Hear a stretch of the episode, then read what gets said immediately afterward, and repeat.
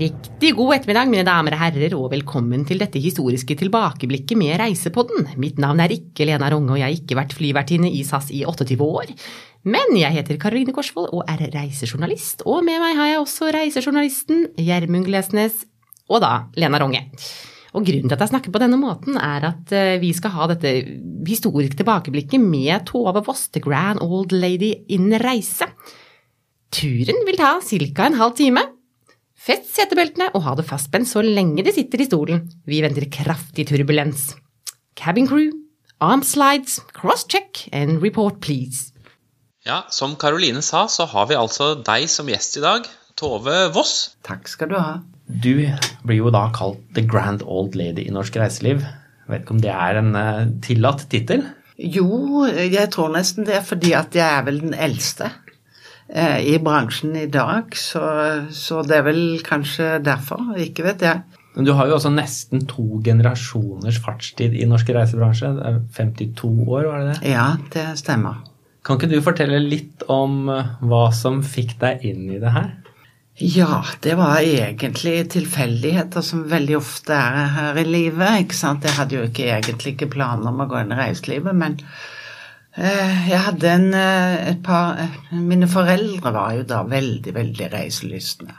Og jeg hadde en far som egentlig var ulykkelig i jobben. Han var tannlege, og han syntes i grunnen ikke dette var så stas. Så han reiste så snart han hadde mulighet. Så han eh, tok jobb som skipstannlege på noen tankbåter. Og så tok han familien med innimellom. Så jeg eh, kom til Panama når jeg var tolv år gammel, hvilket var litt uvanlig den gang, og reiste veldig mye. Og så, eh, siden da jeg ble eldre og sånn, så så jeg en annonse i en avis om at de søkte reiseledere til Mallorca. Og jeg søkte på dette. Jeg gikk innom, var på Grand Hotell, skulle intervjuet skje. Og jeg fikk altså da jobben som reiseleder. Skulle ta én sesong, og det ble altså da 15 år ute. Som reiseleder? Som reiseleder, og siden så ble jeg jo selvfølgelig da plassjef for sånne ting. Eh, men jeg var 15 år bosatt ute og jobbet med norske turister. Hvor var det du var eh, basert da? Jeg begynte jo i Spania, som veldig mange reiseledere gjør. Bodde forskjellige steder, Costa del Sol, Mallorca osv. Eh, men så kom jeg til Jugoslavia, som det het den gangen, i Dubrovnik. Og så var jeg i Grekenland, på Rådås, Og så ble det litt mer spennende steder etter hvert, for da ble jeg liksom sjef for uh, USA-kontor. Jeg bodde i New York i tre år, og så var jeg tre år i, i Hongkong. Og så bodde jeg ett år i Vest-India. Og så reiste jeg en del som reiseleder i Russland og andre steder. Nå skriver vel du neppe CV-er når du For du søker ikke jobb, du starter jo selskaper nå? Ja, det er det tredje selskapet jeg har startet. Det tredje. Det blir nok det siste, tror jeg. Hvordan har reisebransjen og folks reiser endra seg på de 50 noen åra? Det har endret seg veldig mye. Eh, da jeg begynte, så var det jo egentlig det å reise til Gran Canaria var jo en Om ikke en stor ting, så var det jo en opplevelse, ikke sant. Det var Tenerife, og det var jo de klassiske reisemålene. Det var Rådås, og det var og, og når jeg husker da Statue introduserte Marokko, så var jo det helt eksotisk. Det var jo voldsomt. Eh, så etter hvert så bygget det veldig opp, ikke sant, og nye reisemål, eller destinasjoner, som vi sier, kom til. Og folk er blitt mye mer eh, reisevante, har reist masse. Jeg var i, i Laos for tre år siden en, med en gruppe. Og når du satt og pratet med disse nordmennene, så var det utrolig hva de hadde reist. Og, og beundringsverdig, helt strålende. Eh, så det har kommet inn land som du egentlig ikke tenkte på før. Men, men når det er sagt, så må vi også si at mange land har forsvunnet ut av det å kunne reise til. Altså, Russland har gått betraktelig ned det etter at Putin gikk inn i, på Krim. Eh, Ukraina har forsvunnet. Jeg har alltid hatt mange gjester til Ukraina. Det kan jeg ikke gjøre lenger. Tunis er forsvunnet. Midtøsten er forsvunnet som reisemål. Jeg har reiser til Iran, men har problemer med å få solgt det fordi folk er nervøse for der hvor det ligger. Så mange reisemål er dessverre forsvunnet. Men hvilke reisemål er det som har kommet til, som du Um, ja, du har um, uh, For eksempel så har vi en tur til Armenia og Georgia. Vi har togreiser på Silkeveien. Altså, det er kommet inn disse perifere eh, landene som ingen reiste til før. Eh, Albania begynner man å snakke om nå. Så det er jo absolutt masse interessant, selv om en del har forsvunnet. Så kartet har blitt større alt i alt? Absolutt. Absolutt. Men det har også kommet flere andre turister som jeg fikk litt sjokk da jeg var i Angkor Wat. Og hadde vært mest egentlig i Afrika når jeg var sånn eksotisk som jeg tenkte det. Og så skjønte jeg at ja, men kineserne er ganske mange, og de reiser også på ferie. Det er veldig mange, og det tenker vi nordmenn ikke på ofte, at Østen er full av asiater.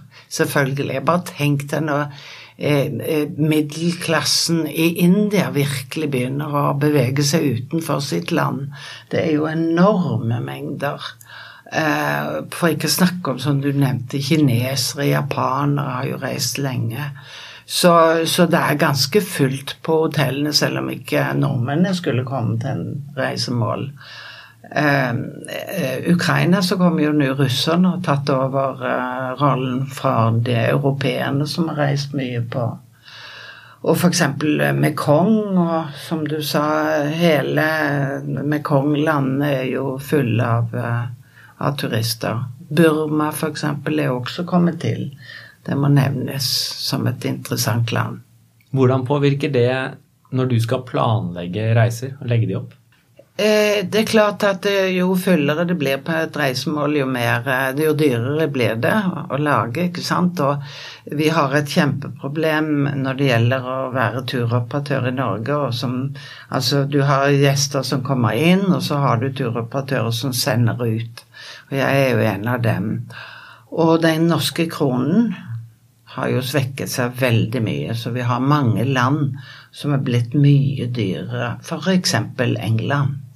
Altså, pundet var jo har jo øket veldig, blitt dyrt. USA skal vi ikke snakke om. Så, så det er eh, veldig Til gjengjeld så strømmer det jo inn asiater til Norge. Eh, fordi det er blitt et mye billigere land. Sør-Afrika, som jo er et sterkt turistland, er også blitt billigere for nordmenn. Fordi randen har gått ned. Så vi har turer til Sør-Afrika. Så pass på. Eh, men noe annet som har endra seg, er jo da de reisende Altså, det var jo dyrt å reise. Det, var jo, det kosta mye penger. Og i hvert fall hvis man ikke gjorde som familien Glesnes og reise til Danmark med en gammel bil og sitte med en primus og koke tomatsuppe. Hørtes ut som kost... familien Korsvold, det. så, så var det kanskje en annen ja. type reisende den gangen enn nå. Det var det. Det var også de, de årene jeg bodde ute for uh, Globetrotter og jobbet for dem, så hadde vi jo veldig mye forretningsmenn uh, uh, og -kvinner, for den saks skyld som skulle f.eks. til Hongkong og Kina og rundt omkring. Og jeg fant en gammel katalog som var 20 år gammel, tror jeg det var. Og der kostet en reise med, med, med SAS til Bangkok og 14 dager hotell. Den kostet Det var kanskje mindre enn 14 dager, men reisen kostet 10 000 kroner som var veldig mye penger mm. den gangen. Og det koster Du kan godt komme i dag til en pris som er lavere enn det. Så det, prisene har gått veldig ned i forhold til før. Og måten folk eh, finner ut av reise på også, har jo endra seg veldig mye. Vi snakka jo litt i stad om det derre eh, veien fra Telex til internett. Ja. Da jeg begynte, så i Statue f.eks., så hadde vi jo på veggene Der var alle bookingene. Der satte vi opp gult for én uke og grønne plaststrimler for to uker osv. Og, så og det var håndskrevne billetter, og allting var Altså, når jeg tenker i dag på det, at vi klarte å få folk av gårde, så er det jo egentlig utrolig. Um, og så det endret seg veldig mye. Vi jobbet med Telex, og siden så ble det jo faks. Så det var en stor dag den dagen vi kvittet oss med faksen. ikke sant? Og skanning er jo helt fantastisk, og internett. Og jeg må jo si at bransjen vår, vi så jo med veldig skepsis på internett, for vi så på det som en veldig stor konkurrent. Og det er det jo også, men det er også samtidig en gedigen hjelp. Så det er egentlig begge deler. Men det har gjort at før f.eks. så solgte jo mange turer på det hadde mange reiser, sånn europareiser. Vi solgte Viken-reiser til, til Paris. Startur hadde jo 13 fly i uken til London. Og jeg tror ikke de har ett i dag, ikke sant? fordi folk kjøper på nett eller på annen måte. Men Vista Travel, dere eh, pakker jo eh, Det er elvecruise, det er temareiser, og det er togreiser. Sånn spesialtog. Hadde det i det hele tatt vært mulig før internett? Nei, jeg tror ikke det. Eh, eh, jo, elvecruise, jo. Og. Men vi, vi, vi skreddersyr jo reiser også. Altså du kan si til oss at jeg vil tre uker rundt i Sør-Amerika, så lager vi det. Eh, og eh, da er internett det å kunne få rask beskjed, det å kunne gå inn og booke og ta av allotment osv. Det underletter. Det hadde blitt simpelthen for dyrt å jobbe på den gamle måten med å sende eh, faks osv. Så, videre. så det underletter jo. Så det er et, veldig, veldig bra. Så det er mange reisetyper som på en måte har forsvunnet, og så har det kommet nye til. Ja, for altså, I det øyeblikket folk eh, bestiller og fikser sine egne f.eks. storbyvikender, så blir jo behovet for ekspertise eh, Det er jo der fortsatt. Eh, og da kommer jo byråer som dere inn og, og, kan på en måte alt eh, Og kan skreddersy. F.eks. det du nevnte i stad med, ja. med, disse nye turene deres. Vi, vi, vi, vi skreddersyr jo ting som er mer kompliserte. Altså, det er ingen som ringer til oss og sier at vi vil ha en, en reise til London eller Paris eller noe sånt, men de ringer og sier Fordi da skal de investere et større beløp i en reise, og da er det veldig viktig at reisen er perfekt, at de, og at de er trygge på at om noe skjer, og de står på Machu Picchu, eh, så fins vi der. Og da har de ikke kjøpt det liksom på, hos noen operatør som de ikke kjenner. Men vi har jo da begynt med reiser som, som ikke fantes før. Og det er f.eks. militærhistoriske reiser. Og det er reiser som du egentlig ikke kan ordne selv. Og det samme gjelder stort sett med de Togturene kan du ordne selv, men eh, vi har en katalog som viser deg alt fra Orientekspressen til Palace of Wheels i India til Rovers Rail i Sør-Afrika osv. Men militærhistoriske reiser, det er med offiserer som reiseledere og som forteller hva som skjedde, og hvorfor det skjedde. Og tar deg med da til steder som Volgograd i Russland, som fører et Stalingrad. Tar det med til Battle of Britain i England. Eh, til Waterloo Waterloo, f.eks., eller til på Seinen, hvor du får uh, høre om invasjonen i Normandie. Så det kommer mange flere sånne spennende reiser. Vietnamkrigen, f.eks. Hvor er det du fikk ideen til, til, det konseptet? Det gjorde jeg ved at jeg var i, på Mekong med en gruppe. Og så kom jeg til uh, hovedstaden Phnom Penh i Kambodsja. Og så var jeg på Pol Pots uh, eh, dødsmarker. Der hvor befolkningen ble gravlagt etter at de var slaktet ned, kan man si. Det døde 1,7 millioner mennesker. Og eh, så eh, var vi et sånn tortur skole, En skole som ble omgjort til tortursenter. Og så tenkte jeg hvorfor har jeg ikke hørt, og hvorfor kan jeg ikke mer om dette? For det var en, en, sjokk egentlig å komme dit. Og, og, det fikk meg til å tenke på at vi vet for lite om kanskje samtidshistorie. Vi hører veldig mye om, om det gamle. Angkor og ankor med, fra tusentallet, ikke sant. Men, men hva med det som nettopp har skjedd? Så det prøver jeg nå å, å, å, gjøre, at man lærer litt mer. Og det er ikke bare for dem som er veldig interessert i militæret, men det er også for dem som har lyst til å lære litt mer om historie. Det jeg kanskje først og fremst, fremst forbinder deg med, er jo elvecruise. Det var du som starta det i Norge. Hvor, hvordan starta det egentlig? Det, det starta på en veldig spesiell måte. Det var at da drev jeg Select-kurs, og så ble jeg kontaktet av en mann som het Torsten Hagen. Og han har vi hørt en del om da i forbindelse med disse nye Viking-cruises. Han eh, hadde chartret en båt i Russland, og så ville han ha hjelp av meg til å sende nordmenn med på hans båter. Han eh, hadde en båt, som sagt. I dag har han 60 båter er verdens største elvecruisereder og bygger nå disse fire luksusbåtene. Den ene ble jo omtalt ved at den var i Bergen i 17. mai. Mm. Med påfølgende ordfører uh, osv. Ja, stemmer det. ja, uh, så han er litt aktuell akkurat på det. Uh, men han fikk meg på en måte inn Eh, jeg tok den første turen selv som reiseleder, hadde med meg gjester, selvfølgelig. Og de var veldig begeistret, og sånn kom jeg inn. Og siden så har elvecruise jo vokst veldig. Til å begynne med var det vanskelig. I den forstand at nordmenn visste egentlig ikke hva jeg snakket om når jeg snakket om elvekrus, fordi vi har ingen tradisjon om det. Vi har ingen elver du kan seile på.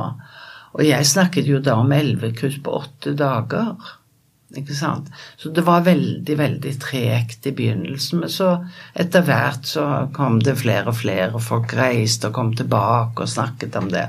Så i dag så tror jeg nok at de fleste vet hva at det fins Produktet Elvekrus fins.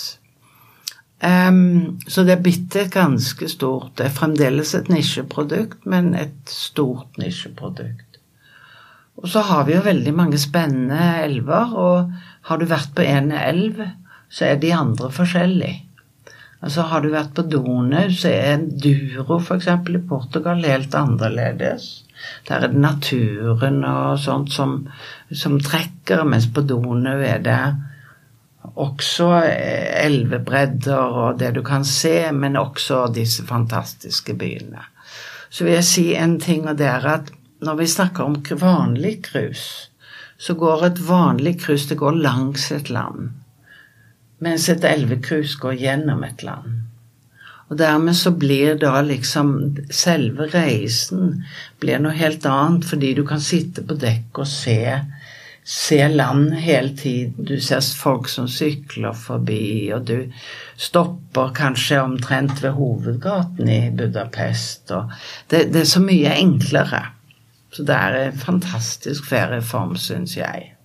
Men hvor er det folk reiser på elvecruise? Hva er det som er mest um, populært? De fleste starter på Donau eller Rhinen. Og der er det jo ikke bare én ett cruise, men du kan starte mange forskjellige steder på Donau. Du kan starte i Beograd, eller du kan starte i Passau i Tyskland, eller du kan starte i Wien.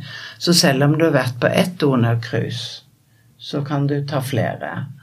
Eh, Rhin er også veldig populær. Starter f.eks. i Vi har et cruise som går fra Basel i Sveits, og så går det gjennom fire land på en uke, og så ender du opp i Amsterdam. Eh, eller du kan ta Duror, som går fra Porto. Eh, du kan ta på Elben, du kan ta på Rånen og Seinen, ikke sant. Og så kan du de siste årene har det kommet til eksotiske elvecruise, nemlig på Mekong, som jeg er veldig begeistret for. Og da starter du i Saigon eller Ho Chi Minh City, og så seiler du opp til gjennom denne store innsjøen Tonle Sap. Og så ender du opp i Ankor, eh, Angkorbyen, eller egentlig en liten by som heter Siem Reap, Reap, og der ligger da Ankorbyen. Ankor Wat er tempelet som ligger i denne tidligere fantastiske byen. Og det er eh, et av eh, Asias mest fantastiske eh, områder. Anbefales på det varmeste. Så fins det cruise på Yangtze i Kina. Og så fins det på Irrawaddy i Burma. Eh, så Laos kommer vi med neste år. Et cruise på Laos. Fra Vietiane eller eh, Luang Prabang. Så det er nok å velge mellom. Det er jo enda flere elver enn det. Jeg var med på et uh, cruise med ditt forrige firma, Escape, i Amazonas, Ja, som også fins. Altså, ja det har vi også. Og eh, USA, eksempel. Mississippi kan du reise til. Så vi har et eh, 15 forskjellige elver. Flere kommer. Vi forstår jo at du ikke bare sender mange nordmenn på reise, men også reiser mye sjøl. Hva er den absolutte favorittopplevelsen din? Altså det største? Det beste reisemålet der hvor jeg ikke har vært. Altså, jeg prøver hele tiden å utvide min horisont og finne nye, nye land. Eh, men det er, det er ikke så mange eh, igjen hvor jeg kan sende gjester. Eh, men, eh, men det er klart, hvis jeg f.eks. skulle på en badeferie, så, så tror jeg at, jeg, at jeg ville tatt Mauritius. Eh, som er et veldig bra eh, Men du må reise 11 timer og 15 minutter fra Paris. Så det, tar, det er et stykke, men det er ingen jetlag, for det er mer eller mindre. Så jeg er veldig glad i Østen, og også Sør-Amerika. Men skal du til Sør-Amerika, så må du ha tid. Det er ikke noe som du tar en ukes tur til. Eh, Det er lange avstander, og det er langt å fly osv. Men det er liksom once in a lifetime å stå på Machu Picchu, det må jeg si. Litt apropos eh, Sør-Amerika her. Eh, Vi hadde i forrige podkast Torkjell Leira, Brasil-eksperten, inne. Og da sendte han et spørsmål til deg som vi skal ta nå, og det er hvorfor er det ikke flere europeiske turister i Brasil? Men det går jo direkte fly. Det er fordi at eh, det har vært veldig mye snakk om kriminalitet, spesielt i Rio. Slik at eh, jeg tror at mange Det som holder folk tilbake, er at man, man, man er redd for at eh, vi blir ranet eller eh, frastjålet, eh, lommetyver osv. Eh, og det vil jeg jo avvise, fordi at eh, hvis du følger fornuftige regler og ikke går slenge med svære vesker og dyre kameraer osv., så, videre, så er Rio en fantastisk by. Vi skal også stille et spørsmål til gjesten i neste episode av Reiseboden. Vincenzo Lauri, en eh, italiener som skal komme og fortelle om italiensk matkultur. Så vi håper at eh, du kan stille et spørsmål til han. Ja, jeg er vel ikke så veldig god på italiensk matkultur, men eh, eh, hvorfor er det alltid pizza som fremheves av italiensk? Altså jo pizzarestauranter. Det er jo så mye annen mat man egentlig også burde fremheve fra Italien. Det må bli mitt spørsmål. Da satser vi på at han kan svare på det. Han har i hvert fall bodd lenge i Oslo. Eh, tusen takk for at du kunne komme. Takk for at jeg fikk komme.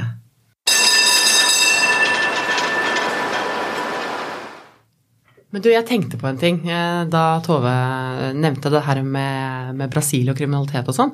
Eh, Jeg var jo i Brasil en gang, og så hadde vi jo da fått streng beskjed om at du går jo ikke rundt med hele smykkeskrinet ditt rundt halsen når du er i Brasil, fordi sjansen er stor for at, du, at noen robber deg.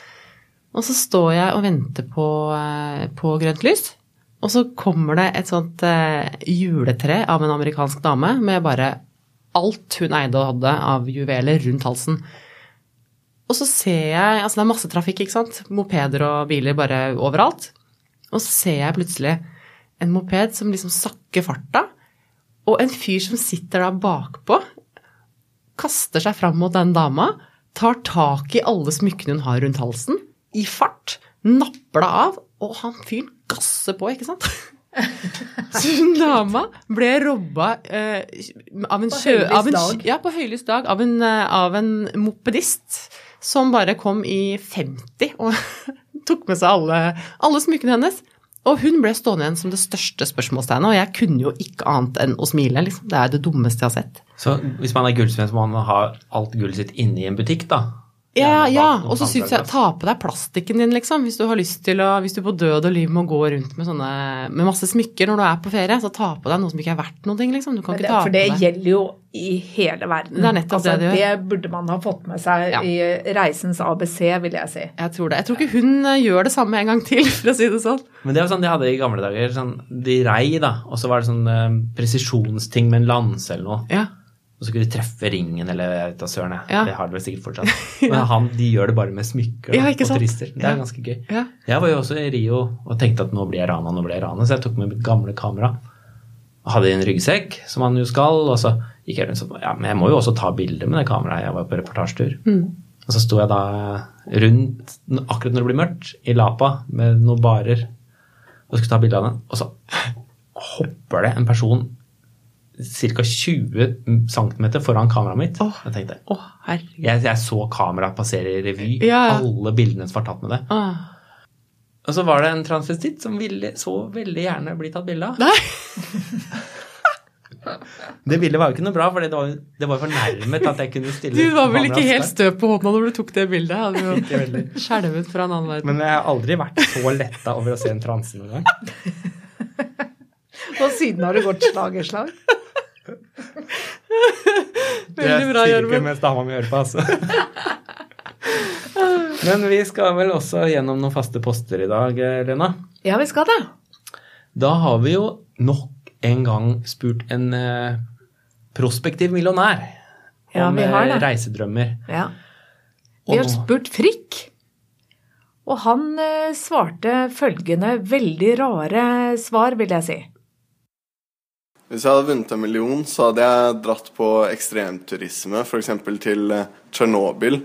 Et sted hvor eh, ingen andre har vært, og hvor det er ekstremt sjeldent at det er mennesker.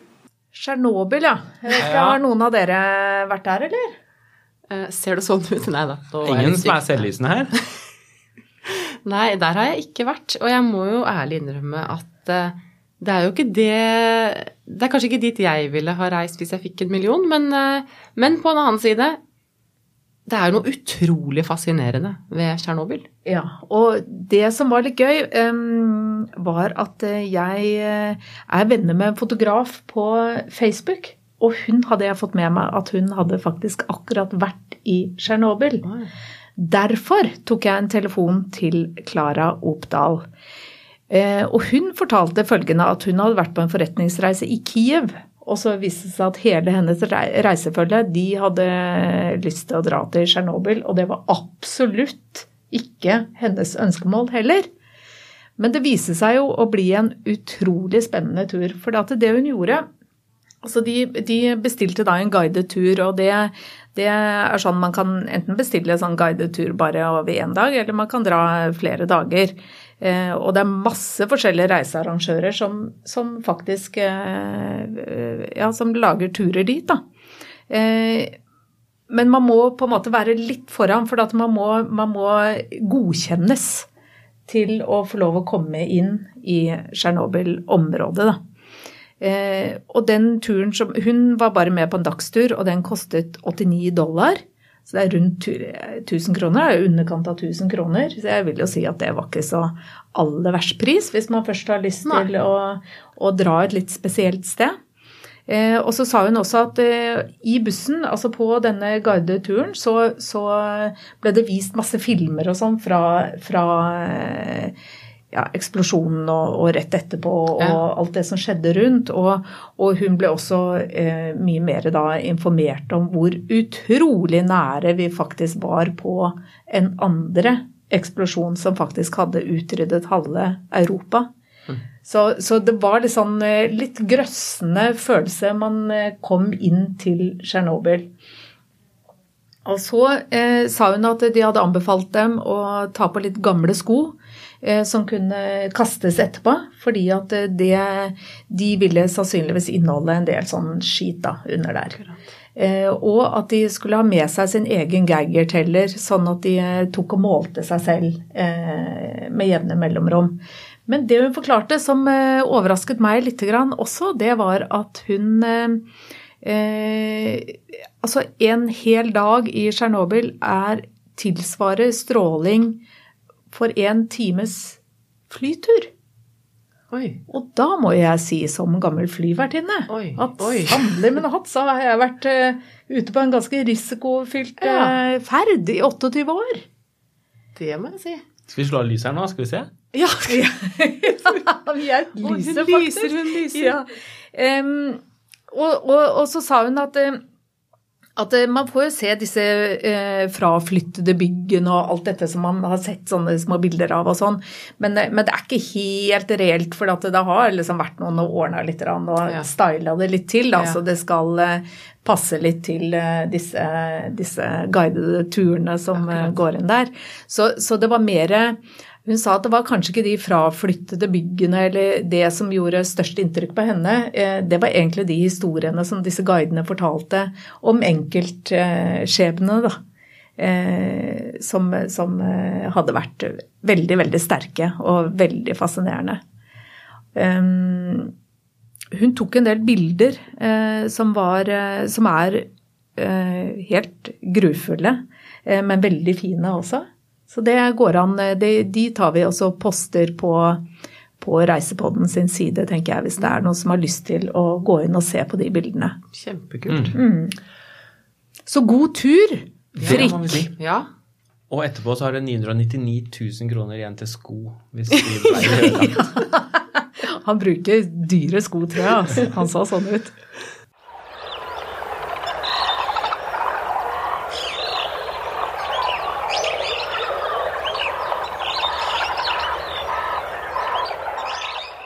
Nå kan vi jo godt eh, si at uh, Tsjernobyl var en større nedtur enn det vi skal ta som ukas nedtur, men vi må jo selvfølgelig ha ukas nedtur denne gangen også. Og da er det jo det med Spania som er spådd å bli sommerens store, store vinner. Det er vel og bra for spanjolene, men Spanias strender er også spådd å bli forferdelig fulle. Ja, fytterakkeren. Da er det jo flaks at jeg skal til Spania i morgen. Og nå skjønner jeg jo plutselig også hvorfor eh, det var så innmari om å gjøre å bestille solsenger fra hotellet. Det har aldri vært noe problem før, men jeg fikk beskjed skal du ha solseng, så må du bestille nå. Så da ringte jeg, og så var det jammen fullt. Og det er sant, altså. Var, vi skal på en sånn vel å merke en strandklubb, da, som sikkert er litt sånn hipp og kul. Men uh, vi måtte Til slutt så måtte vi gå med på en litt sånn uh, rar deal om at vi skal bruke et, et, et totalbeløp Eh, som er ganske høyt, men som vi sikkert klarer å bruke, vi fire venninnene. Eh, mot at vi da får lov til å, ligge i en sånn eh, balinesian bed. Det er en sånn balinesisk seng, du vet sånn jåleseng med gardiner og sånn. Det er jo ikke en solstol, men vi har fått en sånn kjempestor seng, da, så vi har, i hvert fall, vi har i hvert fall plass på den spanske stranda som vi skal være på. Men Karoline! Ja. Noe så fancy. Ja, Har du hørt? Jeg har bare sett sånne senger på bildet. Ja, jeg har ligget i sånn seng før, altså. Det, men det er jo noe med liksom Det ligger jo i skyggen, da. Altså Hvis du skal bli brun, så du, kan du ikke ligge under der. Det er umoderne å bli brun, vet du. Ja, ja, ja da er jeg innmari hipp akkurat nå. Men det er litt sånn å reise tilbake i tid, da, når Tove Voss sa at eh, vi har endra reisevaner. og Før så dro vi til Spania, men nå drar vi til Spania igjen. Selv om hun altså kan sende deg på militærtur til eh, Volgograd. Ja. Men uh, Spania vil vi til. Ja. Men ja, noe, noe, av grunnen var vel at, at, at, det er terrorfrykten, faktisk, som gjør at Spania nå liksom ligger litt sånn utenfor sånn terrormål og flyktninger. Og ja. det er en del sånne andre ting som gjør at folk heller da vil til Spania og mm. være i fred, da. Men de får ikke være mye i fred, for å si det sånn, Nei. på de strendene. Nei, det kan jo være farlig, det å ha så mye folk som er så tett innpå seg. Jeg liker jo ikke det, jeg. Nei, ikke jeg heller. Da syns jeg du skal holde deg hjemme, for å si det sånn. Ja, jeg skal holde meg langt unna dråpesmitte i Spania. Du skal klippe hekk du, Gjermund. Nei, det har jeg gjort, og den har jeg klippet såpass mye at det ikke er mye grønt på den ennå. Men i hvert fall så tror jeg det skal bli en sommer av det òg. Skal vi gå inn for landing, eller, eh, Lena? Ja, jeg syns det. Vi begynner vel å være klare for det. Ja, for nå er historietimen vår over. Ja.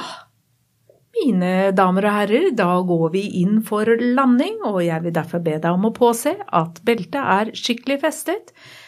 Ta opp bordet og sjekk at all håndbagasje ligger godt under setet foran deg. Lurer du på noe om reiser generelt, eller om denne reisen spesielt, så ikke nøl med å ta kontakt med oss på Facebook-siden vår Reisepodden, eller gå inn og les på vår side reisepodden.no.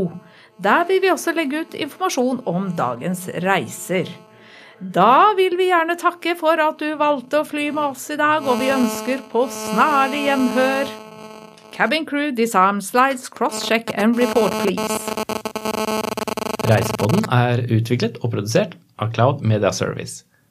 Sjekk også ut vår andre podkast, Foreldremøte, en podkast om foreldre og barn og oppvekst og alt det fører med seg av uhumskheter.